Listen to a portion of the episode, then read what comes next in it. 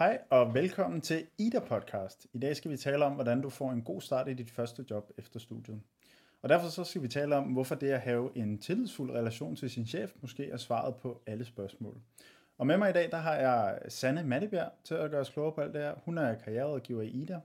Og Sanne, vil du ikke starte med at fortælle lidt om, hvad du laver i Ida? Jo, det vil jeg rigtig gerne, og tak fordi jeg måtte komme. Øhm, jeg er, som du øh, rigtig nok siger, jeg er karrierekonsulent i IDA, og øhm, jeg sidder udelukkende og snakker med øh, studerende, primært sidste del af studiet, og med nyuddannede medlemmer. Så det er sådan, øh, mit fokus er at hjælpe dem godt ud i arbejdslivet. Og når en nyuddannet så ringer ind til dig, og lige er startet i sit første job, hvad, hvad taler I så typisk om? Det vi taler rigtig meget om, det er forventningerne. Øh, altså lever de op til de forventninger, chefen har? Og hvilke forventninger har chefen. Og det er jo selvfølgelig lidt umuligt for mig at svare på, hvad deres chef har forventninger. Så øh, det er også derfor, vi har det her tema med den tillidsfulde relation. Og nu, øh, nu kan man allerede høre det på dig nu, og jeg har snydt lidt hjemmefra. Og jeg ved jo, at du synes, at en tillidsfuld relation til sin chef, det er det allervigtigste for at få en god start i sit første job. Og hvorfor er det det? Altså, man kan egentlig sige, at man kommer ind i en virksomhed, og hierarkiet er bygget sådan op, at man har en chef. Og den chef har ligesom ansvar for de arbejdsopgaver, man har. Nede i det små, der kan man jo godt selv styre arbejdsopgaverne lidt, og måske øh, vælge, hvad man starter med at lave øh, i løbet af dagen og sådan noget, men øh, øh, de arbejdsopgaver, man rent faktisk har på sit bord, det er jo faktisk chefen, der er i stand til at fjerne nogen og tilføje nogen eller ændre på noget.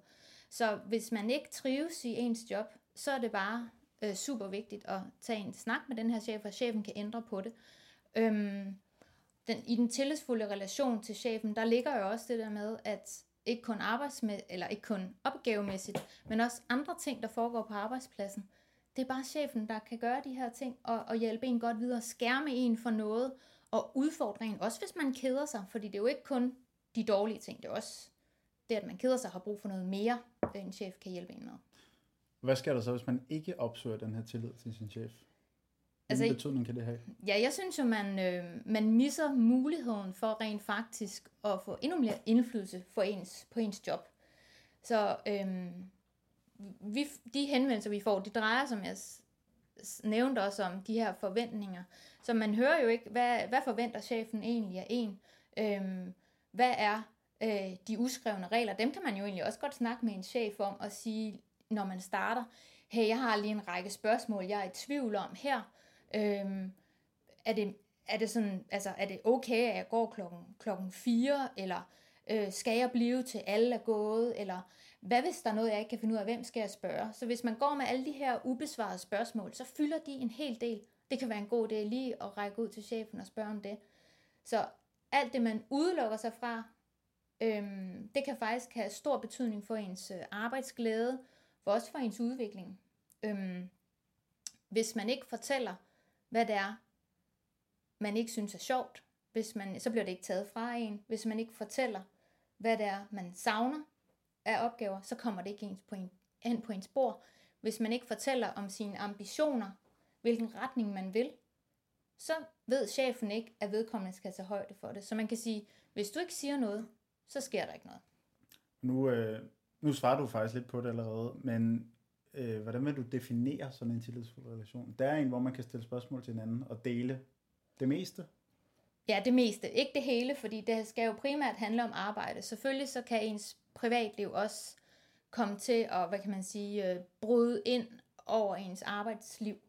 Øhm, det kan være, at øh, der er nogle børn, der er syge, eller, eller øh, altså, der sker noget i ens øh, privatliv, som man bliver nødt til at involvere arbejds, arbejdsgiver i. Øhm, så det er kun i særlige tilfælde, at man skal byde ind øh, i de til, eller i de tilfælde, man skal byde ind til chefen, hvis der sker noget særligt. Men ellers så vil jeg sige, brug chefen til det, til, til det arbejdsmæssige, øh, og du spørger, hvad den der tillidsfulde relation er, jamen det er jo også en, hvor du faktisk rækker hånden ud, tager initiativet til at række hånden ud mod en chef. Vis chefen, jeg har tillid til dig. Og så vil chefen nok også vise dig tillid. Fordi det er også vigtigt for en chef, at de har nogle medarbejdere, som, som de stoler på og ved, hvor de har. Så en tydelighed begge veje. Det er jo sådan, øh, venskaber også opstår. Der er jo ikke noget i vejen for, at man faktisk godt kan være sådan kollegaven med en chef. Øh, så den her relation, det er noget med følelser, det er også en tryghed. Begge veje. Så, så hvis man sidder som nyuddannet og gerne vil skabe den her tillid til sin chef, så handler det egentlig om, at man er ligesom den, der tager det første skridt? Det kan sagtens være, at chefen også tager det første skridt, men hvis man oplever, at chefen ikke gør noget særligt ud af det, øhm, så synes jeg helt klart, at det er ens eget ansvar at søge den der relation. Gør sig sårbar. Det er en sårbar situation. Og hvad konkret? Hvad kunne det være? Jamen helt konkret. Øhm, øh, indkaldt til et møde med chefen, og så sige, øh, hej, der er simpelthen, øh, det er jo mit første job, der er nogle ting, jeg er i tvivl om. Øhm, jeg kan godt gå rundt og synes, at jeg er rigtig dårlig til det her, til den her arbejdsopgave, men jeg ved ikke, hvem jeg skal spørge om hjælp, for eksempel. Er det dig, eller er det en kollega? Det kan også godt være, at man siger, men jeg har alt for travlt. Altså, tillid bliver typisk skabt, når man gør sig lidt sårbar og åbner op. Øhm, og det kan jo godt være, at, øh, at chefen ikke selv tager initiativet, og så er det så ja, ens egen opgave at ligesom gøre det. Hvad hvis man så tager det her initiativ, øh, men ligesom kan fornemme på sin chef, at øh, den er han måske ikke lige med på, eller han øh, åbner ikke op den modsatte vej, eller lægger lidt låg på, og man ikke synes, man kan få skabt den her tillid, hvad, hvad gør man så? Ja, og det findes jo, fordi der er ikke kun, øh, der er ikke kun mega gode chefer ude i verden. Der er rigtig mange mega gode chefer, men der er faktisk også rigtig mange dårlige chefer. Øhm, så hvis man ikke oplever, at de øh, øh, viser samme tillid, eller hvis man endda oplever, at det, man har fortalt dem, bliver vendt om og brugt imod en, så man kan sige, at vi er ude i en mistillidsrelation, så skal man helt klart øh, kontakt os i karriererådgivningen i IDA. Fordi der kan ligge nogle andre detaljer der, og der kan vi rådgive lidt øh, grundigere med, hvad man skal gøre. Faktisk ned på sådan et niveau, vil jeg sige, at nogle gange, så har jeg siddet nærmest og lavet øh, manus med medlemmer, hvordan de, hvordan de kan stille et spørgsmål på den rigtige måde øh, til en chef, eller ytre de her øh, ting, som de er i tvivl om. Øh, og altså også at sige til chefen, jeg oplever ikke, der er en tillid, hvordan kan vi? Ja, det er nogle mega hårde samtaler at tage, men jeg lover, eller jeg kan ikke garantere, jeg håber det heller ikke for jer egentlig, men I vil højst sandsynligt komme ud i at opleve den her mistillid fra en chef på et tidspunkt. Så det der med at øve sig i at være i den situation, øhm, det synes jeg er vigtigt. Man kan lige så godt starte tidligt, så ved man det til næste gang, man møder det. Øhm, og hvis chefen ligesom ikke, øh, hvad kan man sige, anerkender, ja, ja, der er noget tillid her, der ikke er rigtigt, så kan det godt være, øh, også med vores hjælp, at man måske så bl- vil blive nødt til at beslutte, jamen vil man blive og være i et arbejdsmiljø med manglende tillid til en chef. Det kan være mega hårdt, øh, men muligt, eller vil man søge videre.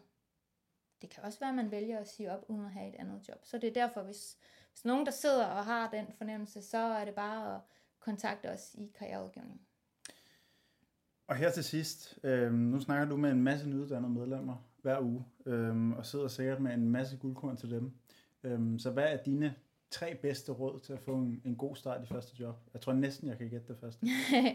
ja, der er jo selvfølgelig den her relation til chefen, og man kan sige, den kan næsten starte allerede i jobsamtalen, hvor man rent faktisk godt kan høre, spørge lidt ind til chefen og spørge, om, hvordan er din ledelsesstil? Hvad gør du for at motivere og udvikle dine medarbejdere? Det er nogle meget harmløse spørgsmål, men allerede der kan man måske afkode det lidt.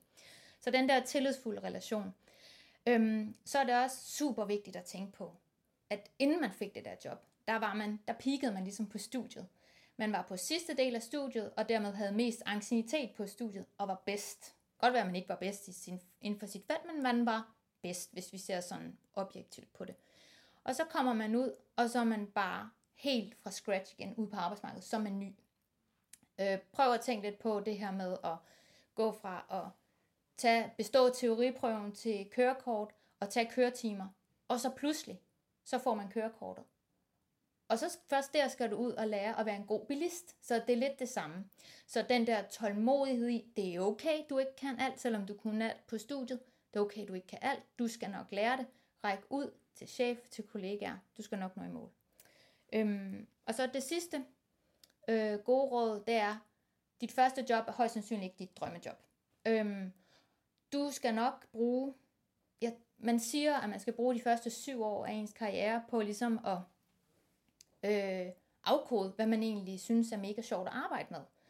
Det er også der, hvor man kommer igennem de der dårlige chefer, øh, kedelige arbejdsopgaver, giga sjove arbejdsopgaver, men få af dem. Og så rykker man rundt i job. Så det første job er sikkert ikke drømmejobbet, og det er helt okay at rykke videre. Også selvom det kun er efter et halvt år. Hvis du ved det, at det er dårligt, så ved du det. Så er der ingen grund til at blive hængende. Det synes jeg var øh, tre ret gode råd. Tak, Tak. fordi du kom, Sanna. Jamen selv tak. Og øh, tak fordi du lyttede med derude. Hvis du vil vide mere, så tjek øh, show notes, hvor vi har samlet nogle lækre links til dig. Og hvis du vil have endnu flere podcasts, så er der også en mail, du kan skrive dine gode idéer til. Hav en dejlig dag.